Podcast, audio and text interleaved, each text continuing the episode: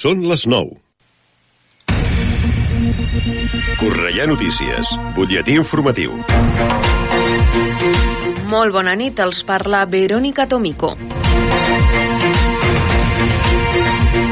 La nova contractació indefinida augmenta considerablement respecte del 2021 al Baix Llobregat. Comissions Obreres destaca l'efecte positiu de la reforma laboral sobre l'ocupació indefinida a la comarca i també reclama mesures urgents davant l'impacte de la inflació sobre rendes i salaris. La mascareta deixarà de ser obligatòria en interiors després de Setmana Santa, concretament a partir del 20 d'abril. El seu ús continuarà sent obligatori només a hospitals i residències i al transport públic. Es recomana, però, el seu ús responsable en d'altres espais on no es pugui garantir la distància de seguretat entre les persones vulnerables. Els castellers de Cornellà acullen aquest dissabte la 26a edició de la Jornada de Prevenció de Lesions en el món casteller, una cita que aquest any se centra especialment en la seguretat dels infants a les colles. I la confraria del Cristo de la Buena Muerte i de la Esperanza Macarena portarà a terme dues processons aquesta Setmana Santa a Cornellà. Aquest diumenge, dia 10, al diumenge de Rams, a les 5 de la tarda se celebra la processó del Cristo de la Sentència. El dijous sant serà el torn de la madrugà amb la sortida del Cristo de la Buena Muerte i de la Esperanza Macarena, que enguany presenten novetats. El Cris estrena quatre fanals i la Verge sortirà sota pali per primera vegada.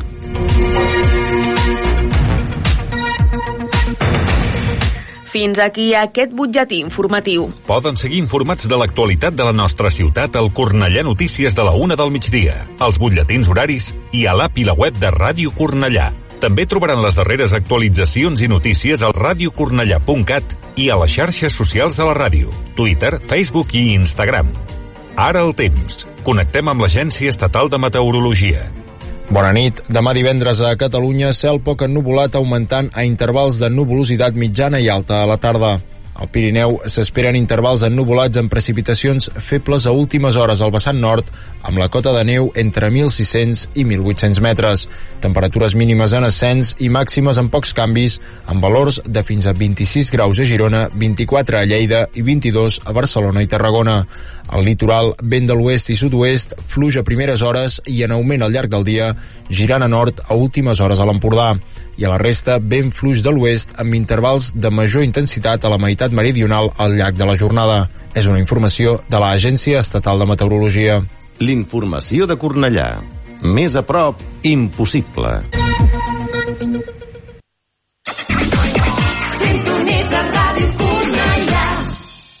Bon vespre, són les 9 i un dijous més comença Atrapats en la Cultura.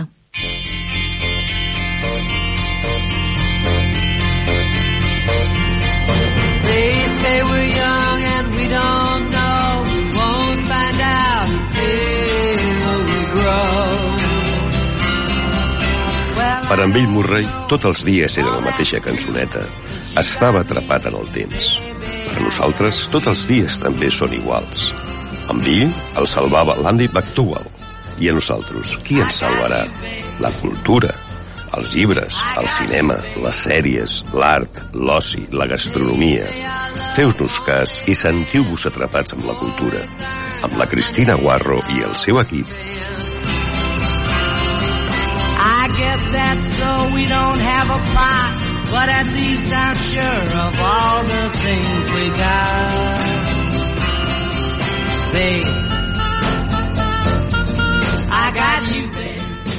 Benvolguts oients, tornem a ser una setmana més amb vosaltres per parlar-vos de cultura, per parlar-vos també, com sempre, fent un repàs a l'agenda cultural de, del nostre municipi, què es farà, què podreu fer els pròxims dies. Recordar, record... Ui, perdoneu, us recordem que la setmana que ve no, no farem programa perquè és festiu, és Setmana Santa i nosaltres doncs no, no treballem, però que tornarem ja en 15 dies i farem un programa ja més centrat només en llibres. Ja sabeu que sempre comencem amb l'agenda cultural i això és el que fem. Què Aquesta tarda s'ha inaugurat la mostra al Castell de Cornellà. Es tracta de la gran aventura de Bols i Libros Bruguera, 1946-1986. Durant la postguerra, els bolsilibros de l'editorial Bruguera, llibres de butxaca dedicats a la literatura popular, al western, novel·la negra, ciència-ficció, terror, omplien de color el blanc i negre de la dictadura. Aquesta exposició, comissariada pel periodista i professor universitari Joaquim Noguero, és un homenatge a aquelles col·leccions farcides d'autors amagats darrere de pseudònims estrangeritzats, com a Peter Derby, Silver Kane, Ralph Barbie, Clark Carrados o Luke Carrigan. És una mostra produïda per la Fundació Antiga Caixa de Sabadell 1859 amb la col·laboració de Biblioteques de Barcelona. Es pot veure al Castell de Cornellà. L'exposició és gratuïta, l'horari de la qual és de dilluns a divendres, de 10 del matí a 2 del migdia i de 5 de la tarda a 8 del vespre, mentre que diumenges i festius és de 10 a 2 del migdia. Podeu gaudir-ne fins al 22 de maig. Tal com va passar l'any passat, l'Ajuntament de Cornellà ha organitzat una agenda cultural especial per gaudir de les vacances de Setmana Santa a la ciutat a l'aire lliure aprofitant l'arribada del bon temps. La primera d'aquestes propostes serà dissabte 9 d'abril a les 12 del migdia a la plaça del Pilar amb l'espectacle Balambambú de la companyia Pantina el Gat. Serà un concert familiar amb rock and roll, rumba, catalana i salsa, entre d'altres. La següent cita serà dimarts 12 d'abril a les 12 al migdia a la plaça de Pallars. La companyia Ai Carai oferirà el seu espectacle Ballem pel món, a través del qual, amb dansa, jocs i contes, viatjarem per diferents països. I finalment aquesta programació finalitza dijous 14 d'abril a les 12 al migdia a la plaça de la Sardana amb diferents espectacles per commemorar el Dia Mundial del Circ i ja sabeu que aquí a casa nostra gràcies al Festival de Pallassos un clàssic ja del gènere que fem cada dos anys a Cornellà doncs el circ i els pallassos en especial ens agraden molt de 10 a 12 al migdia hi haurà el taller de circ amb Canalla Circ i de 12 del migdia a 1 cabaret de circ amb l'actuació de Xavi Silveira, Levi Almendres, Pincel Galindo i el mag Stigman.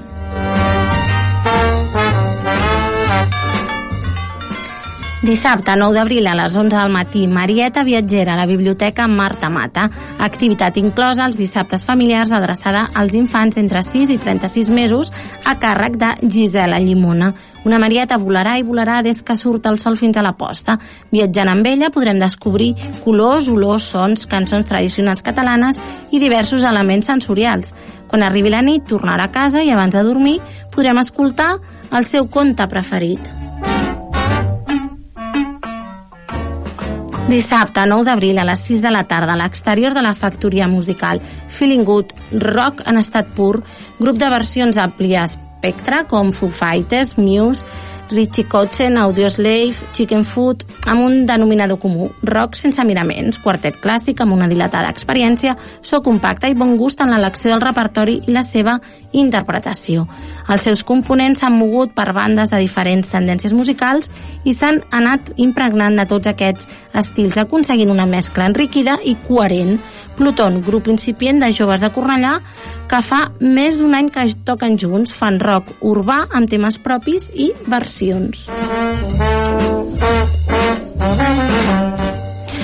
Dones de la Mar, a la Biblioteca Marta Mata fins al 14 d'abril. Dones de la Mar és una exposició de la il·lustradora i escriptora Sandra Uve, que presenta les seves obres sobre 20 dones científiques, activistes, mediambientals i inventores vinculades als oceans.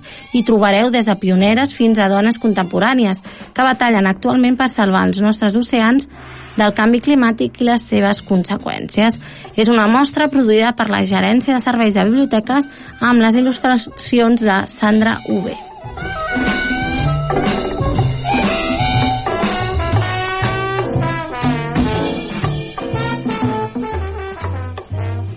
Hem fet un repàs ja a les activitats dels pròxims dies i nosaltres ja continuem amb el programa d'avui fent un repàs a noves propostes culturals. Estàs escoltant Atrapats amb la cultura.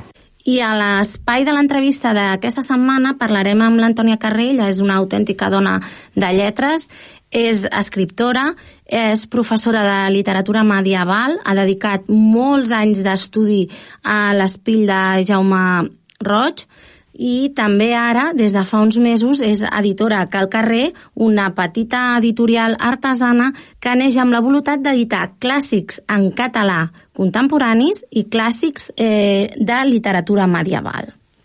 Eh, comença en la literatura medieval amb La ciutat de les dames, eh, un llibre escrit a principis del segle XV per Cristina de Pisan, llibre que s'ha convertit en un referent per les feministes del segle XX i XXI, i a la ciutat de les dames de Pisan se serveix d'un recurs oníric per plantejar la construcció d'una ciutat, tant física com simbòlica, construïda per i per a les dones, del passat, del present i del futur. Aquesta ciutat les protegeix i s'alça amb arguments que totes elles es donen i que els permeten combatre la misogina dominant amb la raó i la paraula. Endavant, doncs, amb l'entrevista d'aquesta setmana. and I'm feeling good.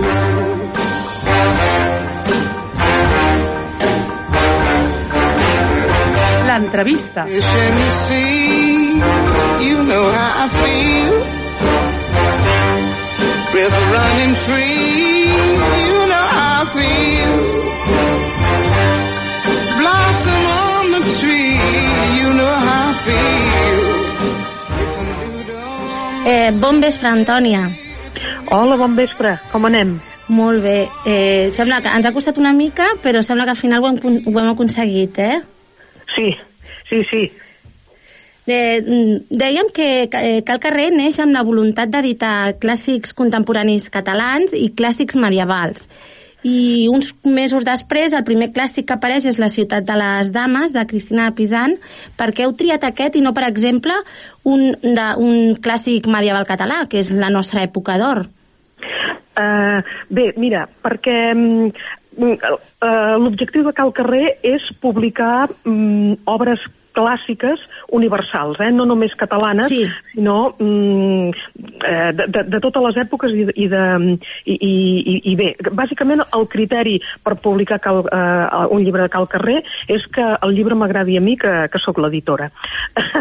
Llavors, com que jo sóc de formació filòloga medievalista, doncs per mi és un gran goig i un gran honor que el primer llibre medieval que publiquem a Cal Carrer sigui precisament aquest, que és La ciutat de les dames, de la Cristina de Pisan.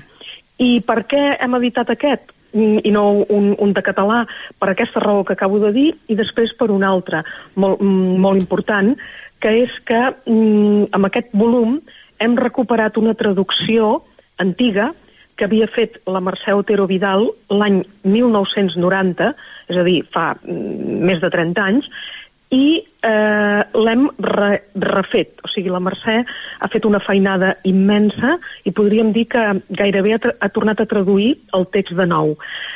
Um, per què ho hem fet això? Doncs perquè aquest llibre estava descatalogat i mm, com que creiem que és un text protofeminista fonamental, doncs vam pensar que no podia ser que la cultura catalana no tingués a l'abast del públic actual aquest llibre en català. I ara, doncs, tothom que ho vulgui llegir en català ho podrà fer perquè, mm, bé, perquè de- des de fa un mes que és a les llibreries. Sí, deies descatalogat i, i és que jo, de fet, jo tinc l'edició que va fer, una de les que va fer Ciruela, que diria que és la interior, l'anterior a la que hi ha ara, perquè jo el vaig comprar ja fa més de 10 anys. O sigui Sí. que, que, és, que està bé sempre anant reac bé, reactualitzant les traduccions una mica i també que es puguin trobar aquests clàssics en, en català. Exacte. Sí, perquè aquesta edició que, de, que dius de Ciruela, que és molt bona, és en castellà. De manera que durant, jo no et sabria dir exactament els anys, però jo crec que, que, que durant ben bé 10 o 15 anys, eh, si algú a, a Catalunya volia llegir um, La ciutat de les dames i se'l volia comprar, ho havia de fer necessàriament en català, ai, perdó, en castellà, perquè la, la, mm, eh, la, la traducció catalana estava descatalogada. I nosaltres, precisament, perquè també reconeixem el valor de la- de l'edició de, Ciruela, mm, hem traduït al català el pròleg de la Victòria Cirlot, que és el mateix que hi ha a l'edició castellana de Ciruela. Uh -huh. eh, deies que una, una de les raons és que és un, eh, un clàssic protofeminista i és que de Pisan s'anticipa gairebé cinc segles abans el que és la idea, perquè ella ben bé no ho exposa així, però el que és la idea de la, de la cambra pròpia de la Virginia Woolf. Doncs la veritat és que sí, és, eh, té un pensament molt modern. Mm, ella diu que, mm, que les dones mm, necessiten un espai per poder, per poder fer coses i recupera, no recupera no, perquè seria la Virgínia que ho ha recuperat d'ella, però vaja, no, no, és inexacte això. Eh, diguéssim que s'avança en el temps perquè recull una altra idea molt important que la Virginia Woolf desenvolupa a Tres Guinees, que és que les dones poden aprendre, bé, les dones no, les nenes poden aprendre o podrien aprendre el mateix que els nens si se'ls donés la mateixa oportunitat. Això la Cristina de Pisan ho diu. Diu que les dones tenen la mateixa intel·ligència que els homes i que si no tenen la mateixa formació és perquè no se'ls ha deixat accedir als mateixos estudis que els nens quan eren petites, que és una mica el que li va passar amb ella, no? I, i per tant, aquest pensament mm, és d'una modernitat eh, aclaparadora. Sí, exacte. De fet, deies que, que és el que li va passar amb ella perquè ella, eh, ara no recordo quina de les parts és, menciona la seva mare, que sí. és que no li feia gaire gràcia que, que rebés educació, perquè el seu Exacte. pare era un savi, i de fet ell, es, Christine és d'origen italià, però va créixer a França, i de fet ell escriu en francès, eh, és filla de Tommaso de Pizzano, que va ser el, el metge i, i el savi, perquè en aquella època, doncs, a part de metge, hi havia altres sabers, i, i ella va rebre la mateixa educació que els seus germans, en contra de, de l'opinió de la mare. Exacte. Aquesta és una, és una dada, mm, jo crec que molt rellevant i molt interessant, eh, que mostra fins a quin punt mm, fins i tot les dones doncs, segueixen els patrons mm, que han estat establerts des de sempre, encara que vagin en contra, en, en, en contra seva, no? Perquè mm, és cert això que dius. La, la Cristina de Pisan mm, va néixer a Venècia, el seu pare era de Pisano, Pisano és una, un poblet que hi ha mm, a prop de Florència, entre, entre Florència i, i Venècia, per això es diu Cristina de Pisan, i va mm, viure a la cort de França, per tant, perquè com, com molt bé has dit, Cristina, el seu pare era, era metge de, de, i astròleg de Carles V. Per tant, a veure, no era una nena qualsevol, eh? era una nena que, que, que vivia a la cort i per tant doncs, que estava envoltada de, de, de totes les comoditats i de tots els luxes. I a la cort, evidentment, hi havia llibres i hi havia una biblioteca. I quan la, ella tenia tres germans i en els nens els van ensenyar una cosa i quan va ser l'hora d'educar la nena doncs la, el pare volia que rebés la mateixa educació que els seus fills, és a dir, que, que aprengués llatí i que llegís els clàssics, que era el que, el que s'aprenia llavors. I la mare va dir que no, que, que bé, que havia d'aprendre a cosir i a fer les coses eh, pròpies del seu sexe, no? Per sort, per nosaltres i, i per la Cristina, doncs va guanyar el pare i, i va aprendre, doncs això, va aprendre llatí i va mm, llegir els clàssics igual que, que els seus germans. Si no hagués estudiat, doncs segurament no hauria escrit totes les obres que va escriure. Sí, perquè té, té, té una producció que, que déu nhi i de fet aquesta educació després la va salvar perquè ella malauradament el, el pare eh, traspassa i el marit al, al cap de dos anys o així i ella es veu en la circumstància que ha de mantenir doncs, les seves criatures, crec que un nebot i a la seva mare i és gràcies a tot el que ha estudiat que, que es converteix en escriptora profes professional. Sí, eh, això és, és també molt, molt rellevant perquè és una cosa inusual. Eh, Cristina de Pisan va viure a finals del 14 i començaments del 15, eh? per tant estem parlant de 1405 o 10 o una cosa així, eh? que és eh, la, la data d'escriptura, sembla que és 1405, la data d'escriptura de la ciutat de les dames. Mm, ella es va quedar viuda molt jove, tenia 25 anys, tenia tres fills, eh, no tenia pare, com has dit tu, i tenia el seu càrrec, la mare, els tres fills i, i efectivament, no?, un, un, un nebot. I eh, els va haver de mantenir, i ho va fer amb l'escriptura. Per això diuen que és la primera escriptora professional. Va muntar un taller de còpia, que vol dir doncs, que tenia gent, que tenia copistes, que copiaven obres per ella perquè clar, llavors els llibres doncs, eh, en fi, al segle XV a començaments encara no existia la impremta i per tant els llibres eh, passaven de mà en mà a través de la còpia. I, i com que vivia a la cort i estava ben relacionada, doncs hi havia gent de la noblesa francesa que li comprava els llibres però ella va tenir la intel·ligència i la, i, i la sagacitat d'això, de, de muntar un taller de còpia amb copistes i amb miniaturistes i de viure de, de l'escriptura. És una proesa, això. Sí. Hi ha algunes fonts, no sé si tu ho podries confirmar o corregir-me, hi ha algunes fonts que parlen del primer escriptor professional, o sigui, sense gènere. No sé si això és cert. Uh, a veure, no, no t'ho sabria dir. No, no, no ho sé, suposo que, que algú altre, bé, esclar, és que abans la, la, la gent, o sigui, els que escrivien també tenien altres, altres mitjans de, de, de, de vida, no? Vull dir, tenien uh -huh. escenes i, i tot això, no? Vull dir, clar, eh, Ramon Llull, per exemple, també, també vivia de l'escriptura, perquè, perquè vull dir que no, no, no sabem que fes res més que això, no? El que passa que doncs, rebien això, calés, doncs, de, anaven a buscar calés, eh, ara doncs, anem a demanar subvencions al govern, doncs ells anaven a buscar diners doncs, dels nobles i de, i, i, i, de, de la reialesa, etc. no? Mm, no, no ho sé. Jo, jo crec que, que és més exacte de dir de, de com a dona. Mm, exacte. Anem ja a parlar pròpiament d'aquesta ciutat de les dames, que és una ginecotopia.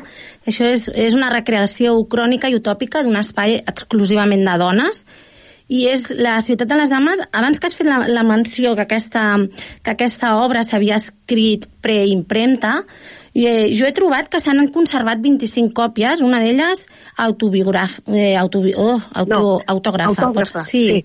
sí, però això són còpies manuscrites. Sí, sí, no. Eh, el que, em, el que, sí, mm, el que em volia, volia referir és que com que són anteriors a la impremta, i la impremta ja és de mitjans del 15, eh, que s'hagin trobat 15 ai, 25 còpies, o sigui, explica una mica que va ser una obra molt llegida.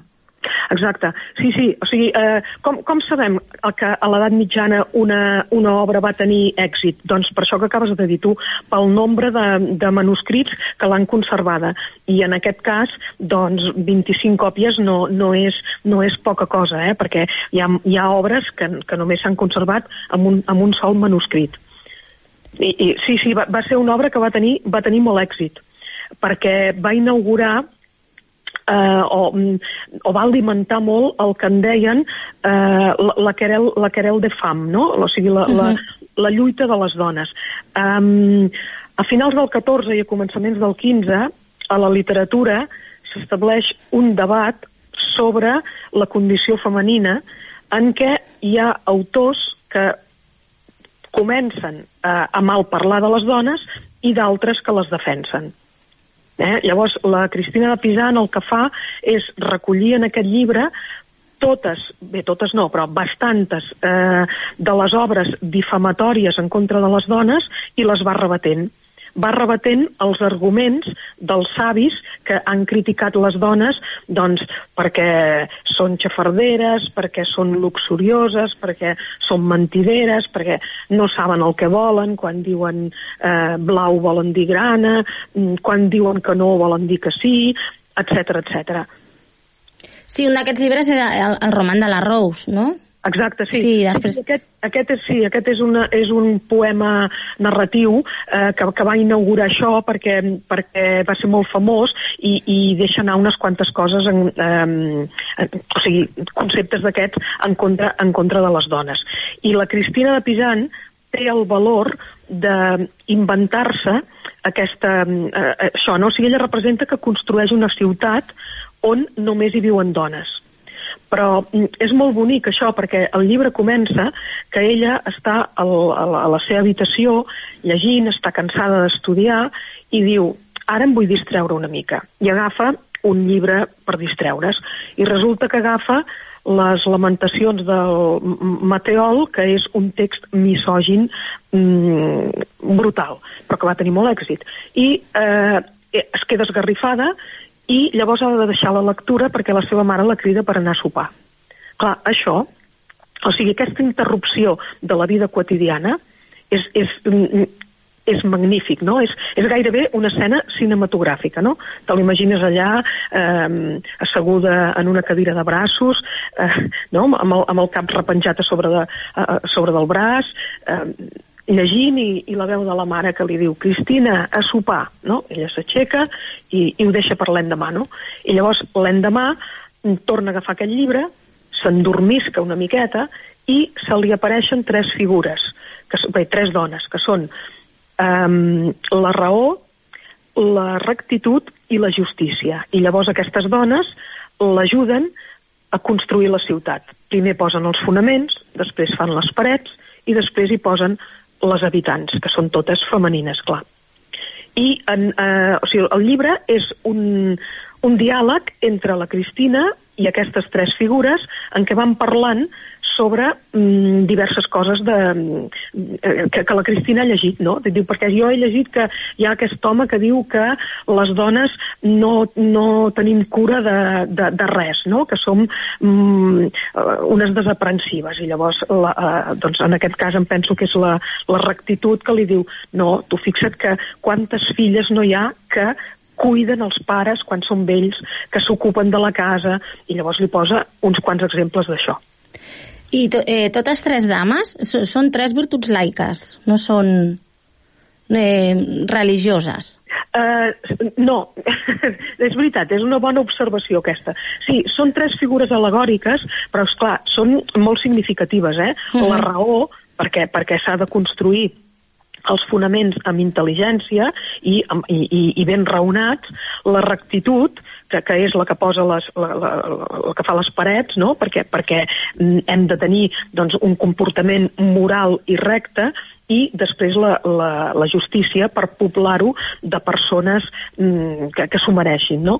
I aquí, en aquesta tercera part, és molt interessant perquè eh, a veure, podríem dir que és potser la més avorrideta perquè eh, Cristina pobla la ciutat de santes per acabar col·locant-hi la Mare de Déu. I clar, això sobretot a nosaltres, que som més laiques, no?, que la Cristina, doncs eh, penses, ostres, tu ara, quin, quin rotllo, no? Però, aviam, eh, aprens moltes coses, eh, en, en aquest llibre. Per exemple, aquí pots aprendre les, les vides de moltes santes, però té la, el mèrit que quan parla de les santes parla del martiri que van patir. Mm. I aquest martiri està vist sempre des de la perspectiva sexual. És a dir, com les agradeixen, com els tallen, els tallen els pits... És a dir, totes les agressions sexuals que van, que, que, que van patir les dones mm, cristianes màrtirs, no? Vull dir, aquest plantejament és molt interessant perquè d'alguna manera posa en evidència doncs això, la, la, la brutalitat de la sexualitat masculina. I és per això que nosaltres li hem posat una faixa que diu el primer no és no de la història. Perquè, mm, evidentment que la Cristina de Pisan no va dir eh, això, amb aquestes paraules, no va dir no és no, però sí que va dir que no es pot creure que hi hagi dones que els agrada eh, ser violades i que els agrada ser forçades. Eh? Diu que ella no es pot creure que hi hagi cap dona que obtingui plaer amb una tal abominació. I clar, aquest, o sigui, aquesta denúncia és d'una modernitat dissortadament mm, aclaparadora. Sí, exacte. Una de les altres coses també, el que passa que, clar, estava pensant en l'escriptura femenina medieval, però clar, jo ara mateix, eh, exceptuant el nom de Cristina de Pisan, només em ve al cap la, la Maria de França, però d'aquí se'n sap molt poqueta cosa. Però en general, clar, tot, és que la resta d'escriptores eh, dones eren, eren, o sigui, místiques, diguem-ne, que eren, clar, eren ja religioses, mm. i aleshores elles, per, a, per autoritzar-se, no?, feien, la, les, diguem-ne que l'estratègia tradicional en la seva escriptura era a través d'una revelació divina, cosa que aquí la Cristina no fa. Sí, exacte. No, no, això, això és, és, és molt interessant. Són unes figures que venen del més enllà, però és veritat, això. No, no, no provenen de, la, de, de, de, diguéssim, del cel, no? És, és, sí, sí, és, és, és així. I això, això que dius tu, ho feien els homes també. Eh? Per exemple, Ramon Montaner, quan escriu la, la crònica, diu que escriu la crònica perquè se li apareix un, un vell de, de barba blanca que li diu que l'escrigui. que és una imatge de Déu. Eh? I Ramon Llull també escriu perquè ha tingut una il·luminació i Déu li ha manat que ho faci. En canvi, Cristina, eh, bé, esclar, vull dir, ella era, era seglar, era, era laica, estava casada, era viuda, i evidentment que, que anava a missa perquè hi anava tothom en aquella època. Però es mirava mm, la realitat d'una altra manera, no tan, mm, no tan ferotgement religiosa, no? Uh -huh. eh, hem parlat una mica de, les seves, de la seva part més, més moderna, però no, no podem oblidar que La ciutat de les dames és un llibre escrit a principis del segle XV i, per tant, sobretot el que són les tècniques de narrativa són molt medievals. Uh, sí, però... mm, A veure, sí, eh, però mm, hem procurat que amb la, la traducció eh, hem, hem procurat convertir-lo en un text que sigui entenedor i fàcil d'entendre pel públic del segle XXI perquè evidentment no és una novel·la, és, és, mm, és un diàleg i, i, i s'expliquen coses, eh? però està tot molt ben argumentat. La Cristina de Pisan utilitza la lògica mm, medieval d'una manera, mm, d'una manera, amb una destresa absoluta. O sigui, primer planteja un tema, llavors el, el, el, el desglossa i o sigui, diu, per exemple, ara parlarem d'això, i això té A, B i C, i llavors va desenvolupant el punt A, el punt B i el punt C. Aquest és un plantejament molt medieval, però com que està molt ben escrit, s'entén perfectament.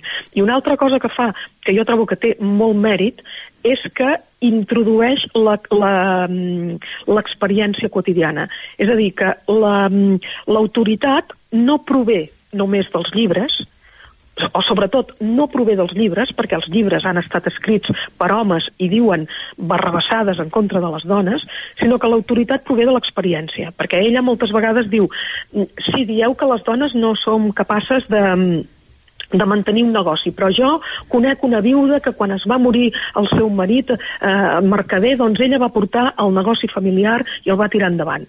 Eh, parla d'una il·lustradora que es diu Anastàsia, que diu que és la millor il·lustradora de París.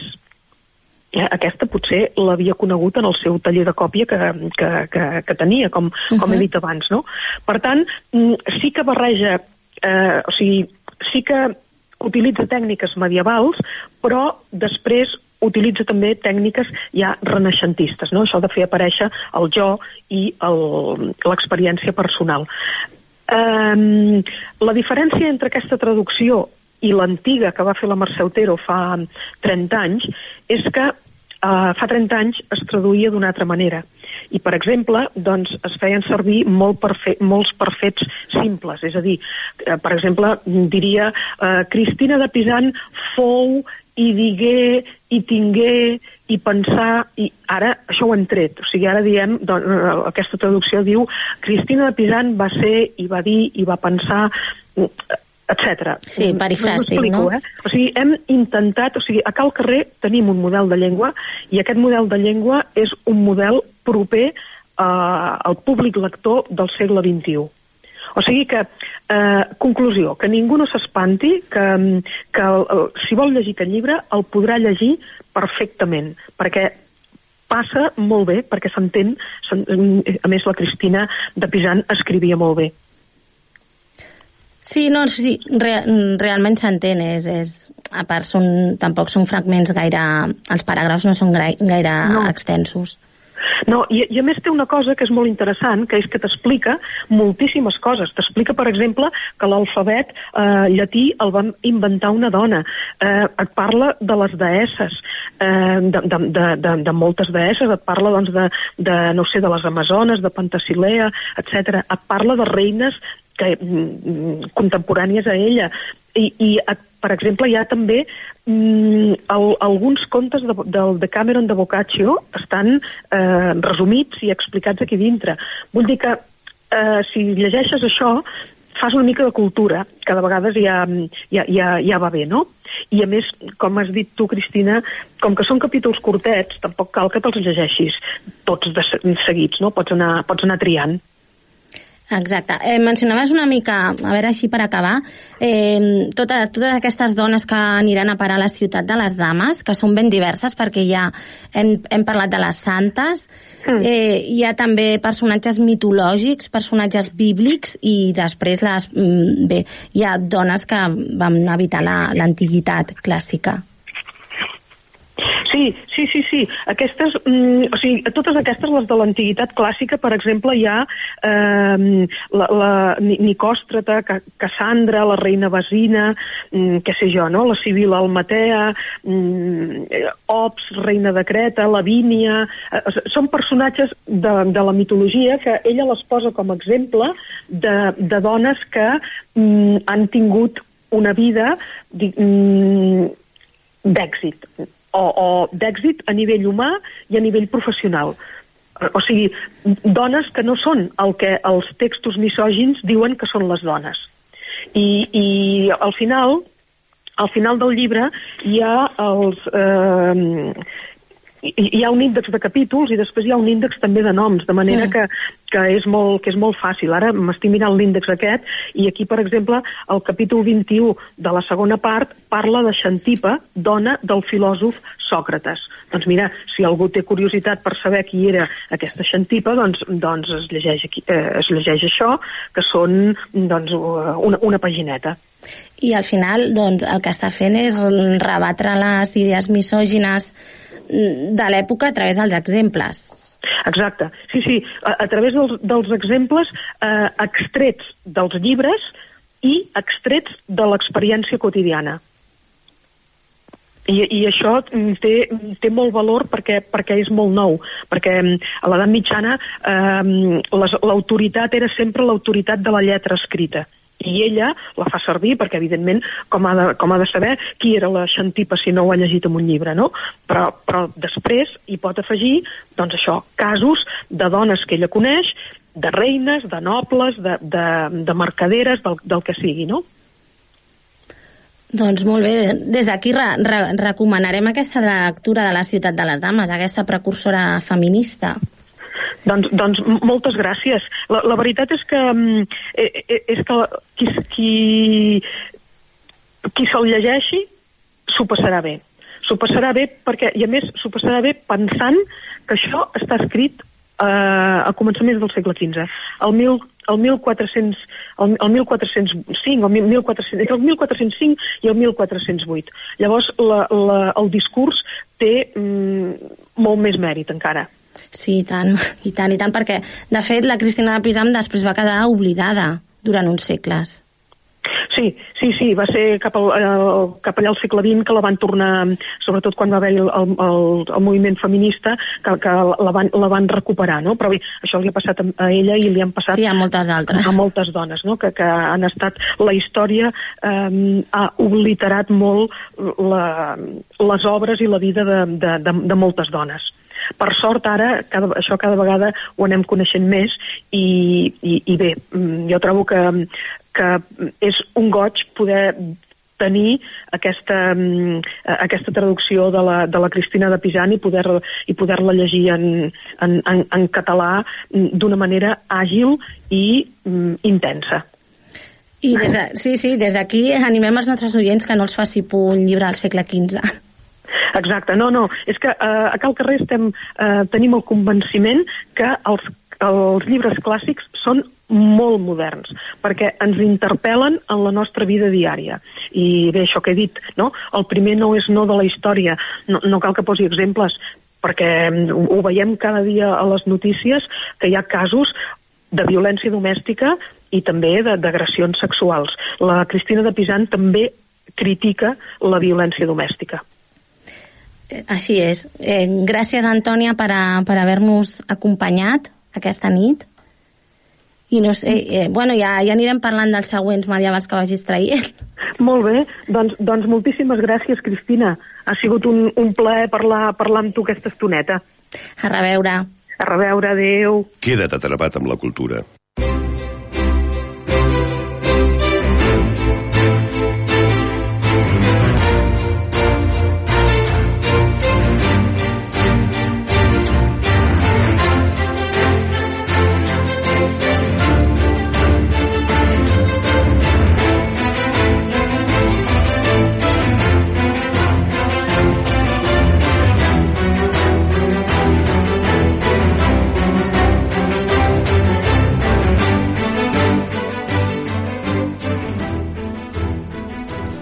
Doncs ara continuem aquí ara amb l'Atrapats en la Cultura, aquesta segona part del programa. Heu reconegut ja la nostra sintonia per introduir-nos en el món de la música clàssica. Bona nit, Marfort. Hola, bona nit. Cap a quin segle anirem aquest, aquesta nit? Doncs seguim avançant en el, en el segle XIX i ens centrem en la primera compositora de la, de la sèrie que va viure íntegrament al segle XIX des de, concretament des de 1819 fins a 1896 o sigui que gairebé gairebé no va no va fer el canvi de segle.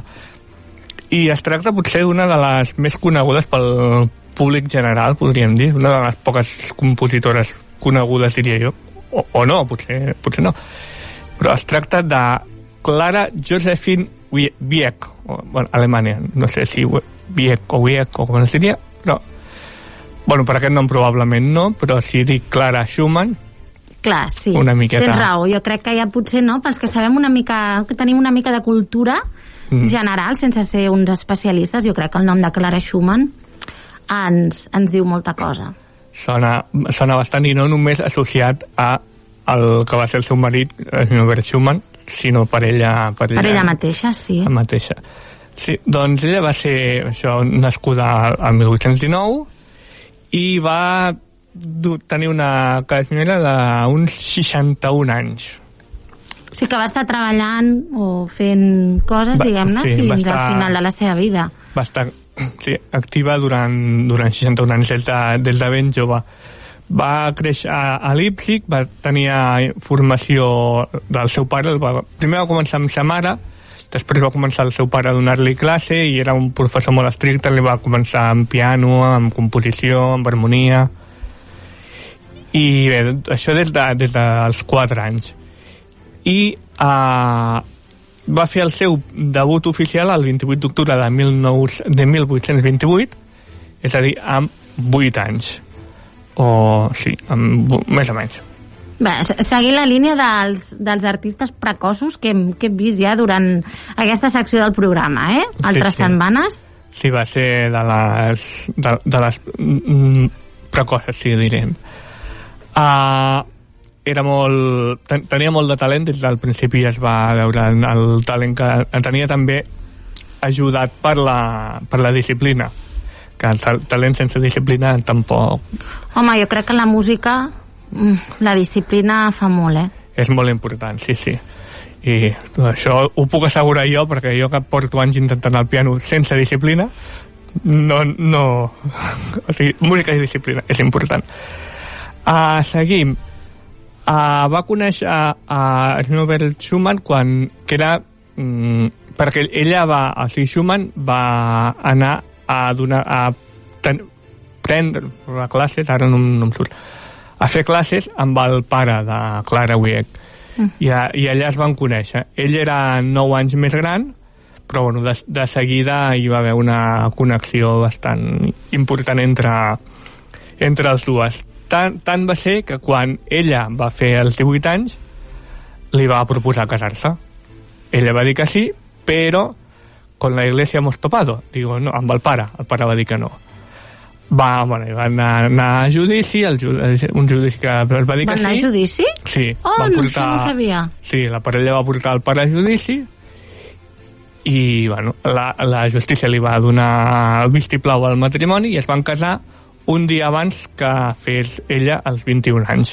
La... Entenc que aquesta seria la majoria d'edat legal de l'època o què? Sí. Que per ah, això va, el pare s'hi si oposava Efectivament, doncs... sí, per això el pare s'hi oposava i no, no, no podien fer gran cosa, però als 21 amb la majoria d'edat i amb la justícia de, de la seva part doncs es van es van casar. Dic que des d'aquell moment va ser una parella... Va durar poc el matrimoni, però va ser una parella Laboriosa? Sí, sí, fructífera.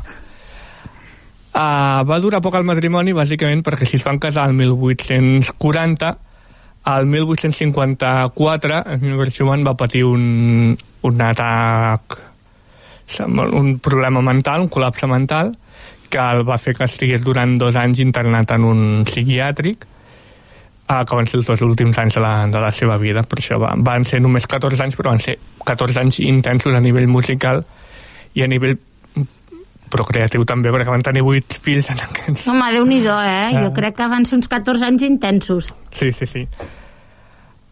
Uh, què més? Uh, a veure... Després de...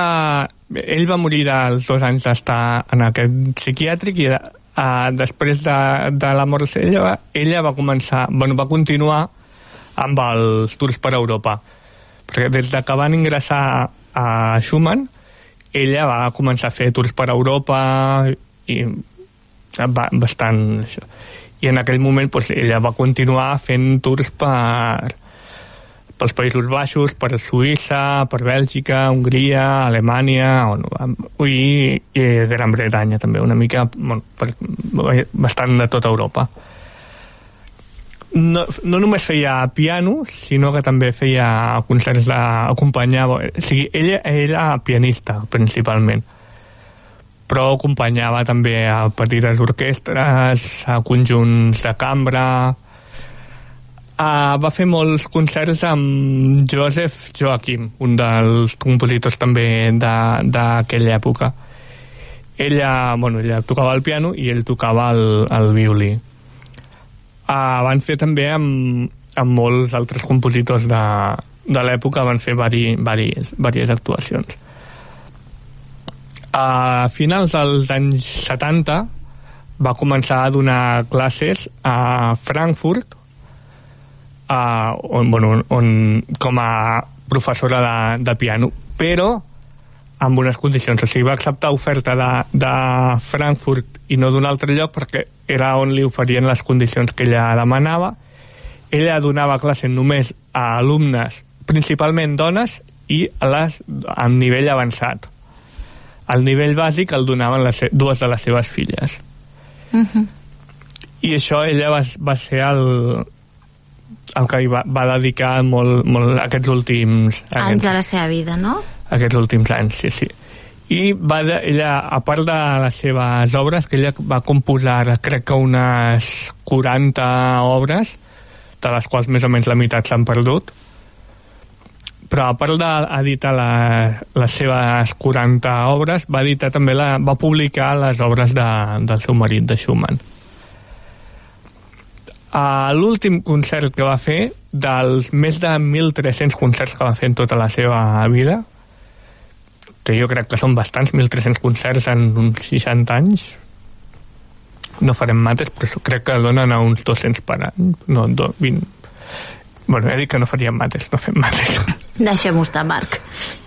Uh, doncs això, el seu últim concert el va fer a Frankfurt el 12 de març de 1891 i la última obra que va, que va tocar, que va interpretar, va ser unes variacions de Brahms d'un tema de Haydn en versió per dos pianos amb James Bask K-W-A-S-T no sé com es pronuncia això en alemany I això, sa- saps si actuava amb alguna de les seves filles?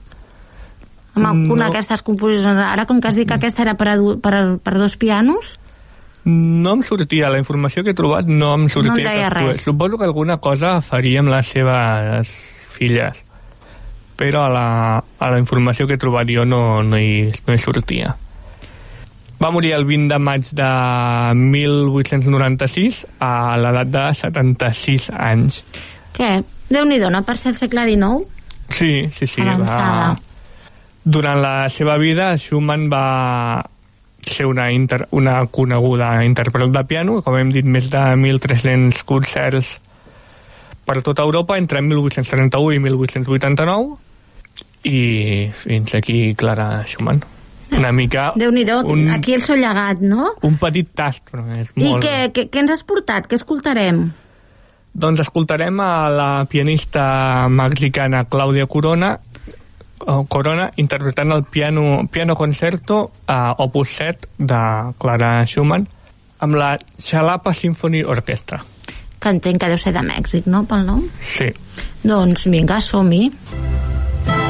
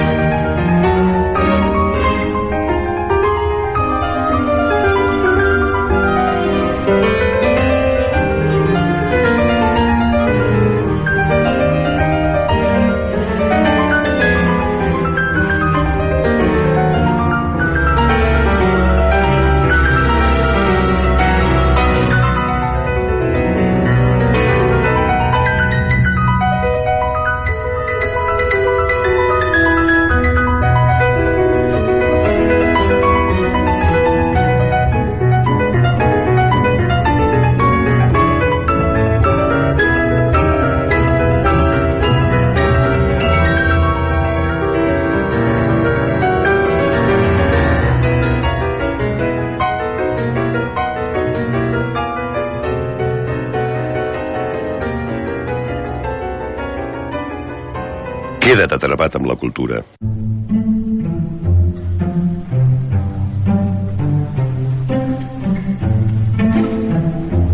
Els llibres que em fan feliç, parada rock.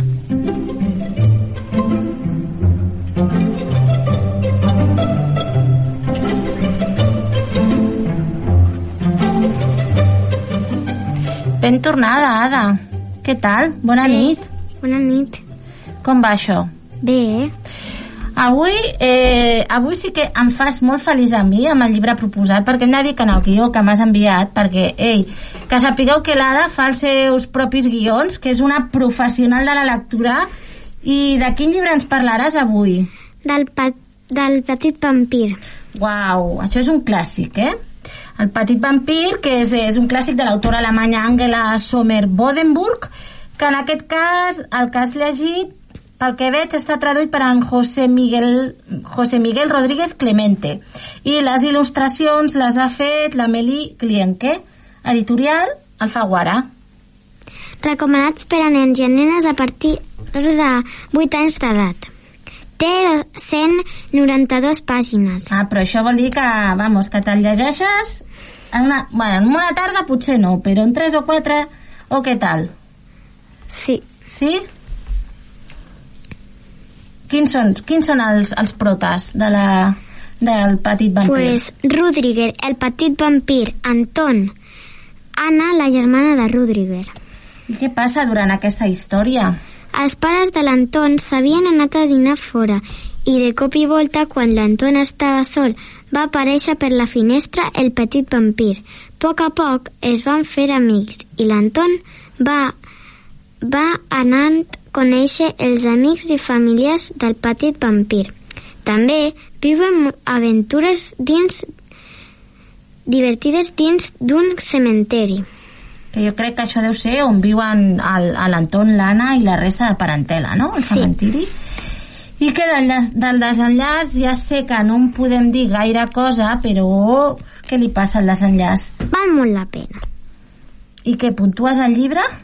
Set i mig. Ah, això és que no t'ha agradat tant com els descendents. És que, clar, els descendents és una cosa generacional, no? Que ja és com... que te'ls sents teus, els descendents. Sí. I què, et recorda en aquest cas algun animal, el llibre? A un rampanat. Ratpenat, sí? Per què? Perquè els vampirs estan basats en rampanats. Bé, tenen aquesta, sí, similitud, no? Sí. I hi ha alguna cosa més que t'hagi fet sentir? Sí, negre perquè hi ha molta foscor. Aquí hi ha molta foscor a la història. Ah, el poder de la literatura i, i, i tot el que pot eh, arribar a suggerir. Què més? Suau. Què més? Massa sentir suau perquè és una història tranquil·la i misteriosa. O sigui que a la vegada té aquest rerefons, no? Que és una Sí. mica com de foscor, però té la seva part com més positiva o més, no sé, tranquil·litzadora, pot- potser en podríem dir? Sí, I finalment, què t'ha fet sentir? eh, que tot és possible. Uau, sí que és una història de, de superació, no? Per acabar, us desitjo molta cert i que gaudiu del conte. Feliç lectura.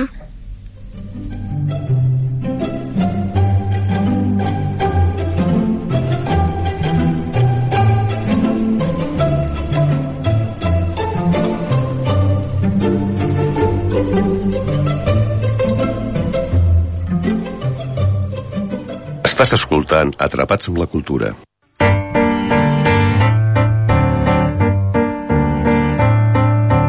Via, via, vieni via di qui. Niente più ti lega a questi luoghi, neanche questi fiori azzurri. Via, via, neanche questo tempo grigio, pieno di I en Palo Conte ja ens acomiadem aquesta setmana. Nosaltres, recordar-vos que la setmana que ve, Setmana Santa, tornarem. Ara em toca fer allò que em fa tanta ràbia perquè no ho tinc anotat i no ho recordaré. He de fer números mentals de quin serà el pròxim programa. Només us puc dir que serà Espera, és la setmana de Sant Jordi. Sant Jordi, mira, fem el compte així del revés. És 20... El 23 és un dissabte, Per tant, a nosaltres ens tocarà fer programa el 21 d'abril. Tornem en 15 dies. Aquesta setmana ens ha quedat un programa eh, protagonitzat per dones. Hem parlat de dones escriptores i eh, de dones pianistes i compositores. I tornem en 15 dies. Que vagi bé la Setmana Santa.